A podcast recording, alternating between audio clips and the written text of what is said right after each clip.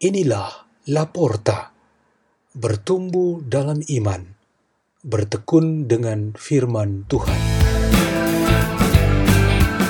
Bersama Hieronymus Yuhan Pratama dan Laurencia Hanani dari Gereja Santa Maria Regina, Paroki Bintaro Jaya, Keuskupan Agung Jakarta.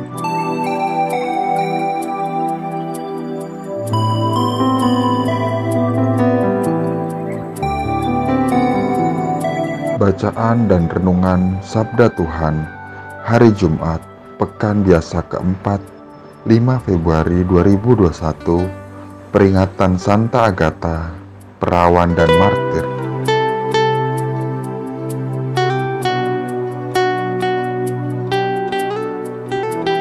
Bacaan diambil dari Injil Markus bab 6 ayat 14 sampai 29.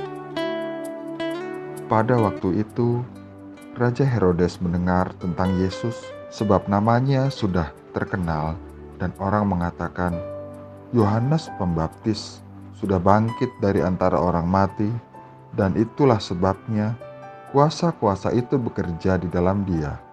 Yang lain mengatakan, dia itu Elia. Yang lain lagi mengatakan, dia itu seorang nabi sama seperti nabi-nabi yang dahulu. Waktu Herodes mendengar hal itu, ia berkata, "Bukan, dia itu Yohanes yang sudah kupenggal kepalanya dan yang bangkit lagi." Sebab memang Herodeslah yang menyuruh orang menangkap Yohanes dan membelenggunya di penjara berhubung dengan peristiwa Herodias, istri Filipus saudaranya, karena Herodes telah mengambil sebagai istri. Karena Yohanes pernah menegur Herodes, tidak halal engkau mengambil istri saudaramu. Karena itu, Herodias menaruh dendam pada Yohanes dan bermaksud untuk membunuh dia, tetapi tidak dapat, sebab Herodes segan akan Yohanes, karena ia tahu bahwa Yohanes adalah orang yang benar dan suci, jadi ia melindunginya. Tetapi apabila ia mendengarkan Yohanes, hatinya selalu terombang-ambing namun ia merasa senang juga mendengarkan dia. Demikianlah Injil Tuhan.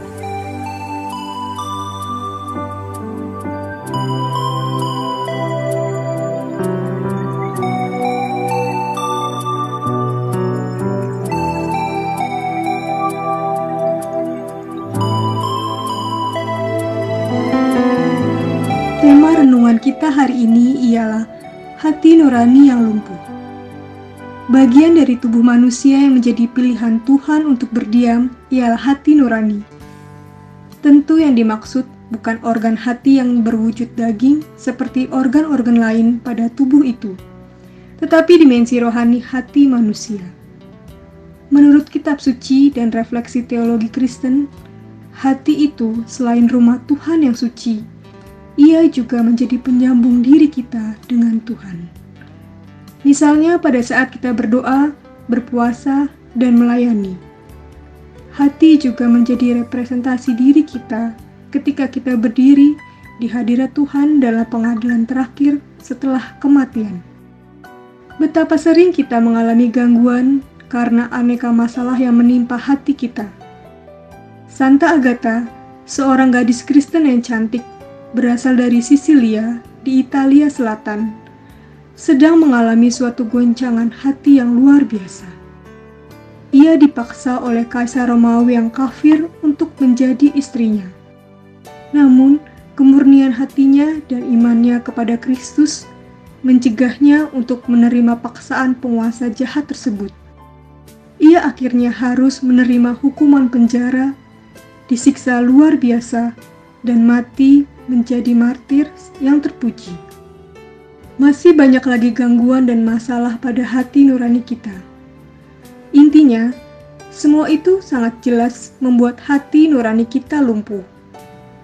Seluruh diri kita menjadi sakit dan terganggu. Salah satu contoh yang menjadi terganggu hidupnya dalam kondisi hati nuraninya yang lumpuh ialah Raja Herodes. Dari Injil hari ini, kita menjadi tahu betapa raja ini menderita karena ia sepertinya berpisah dari hati nuraninya. Kata hatinya yang tulus memberikan tempat yang istimewa kepada Yohanes Pembaptis. Ia menghormati dan melindungi Yohanes sebagai nabi yang menjadi hati nurani umat Tuhan dan masyarakat. Tetapi kehendak raja itu dikalahkan oleh kehendak jahat yang menghantui dirinya. Keinginan jahat dari luar dirinya bisa saja lebih menarik, bahkan lebih kuat. Yang penting adalah ketahanan dan kekuatan iman di dalam diri, sehingga menjadi benteng untuk melindungi diri. Sayang sekali, meskipun ada ketulusan hati, diri manusia seperti yang ditunjukkan oleh Herodes masih punya ego yang berwujud pada kecenderungan kedagingan, kesombongan, posisi atau jabatan, dan hormat dari orang lain. Benteng hati nurani yang jujur, tulus dan saleh bisa jebol dan hancur karena baik pengaruh jahat dari luar maupun kerapuhan manusiawi di dalam diri, bekerja sama untuk menaklukkan diri kita. Pengalaman Herodes ini adalah umum bagi kita semua. Sering hati nurani kita lumpuh karena tidak mampu bertahan atas pengaruh jahat dari luar dan kelemahan manusiawi kita. Oleh karena itu, kita dinasihatkan oleh surat kepada orang Ibrani untuk mengandalkan kuasa Tuhan Yesus Kristus, pembela kita. Marilah kita berdoa. Dalam nama Bapa, Putra, dan Roh Kudus. Amin. Amin. Ya Tuhan, tinggallah selalu di dalam hati kami agar hidup kami senantiasa layak bagimu. Salam Maria, penuh rahmat Tuhan sertamu, terpujilah engkau di antara wanita, dan terpujilah buah tubuhmu Yesus. Santa Maria Bunda Allah, doakanlah kami yang berdosa ini, sekarang dan waktu kami mati. Amin. Dalam nama Bapa, Putra, dan Roh Kudus. Amin. La porta, la porta, la porta.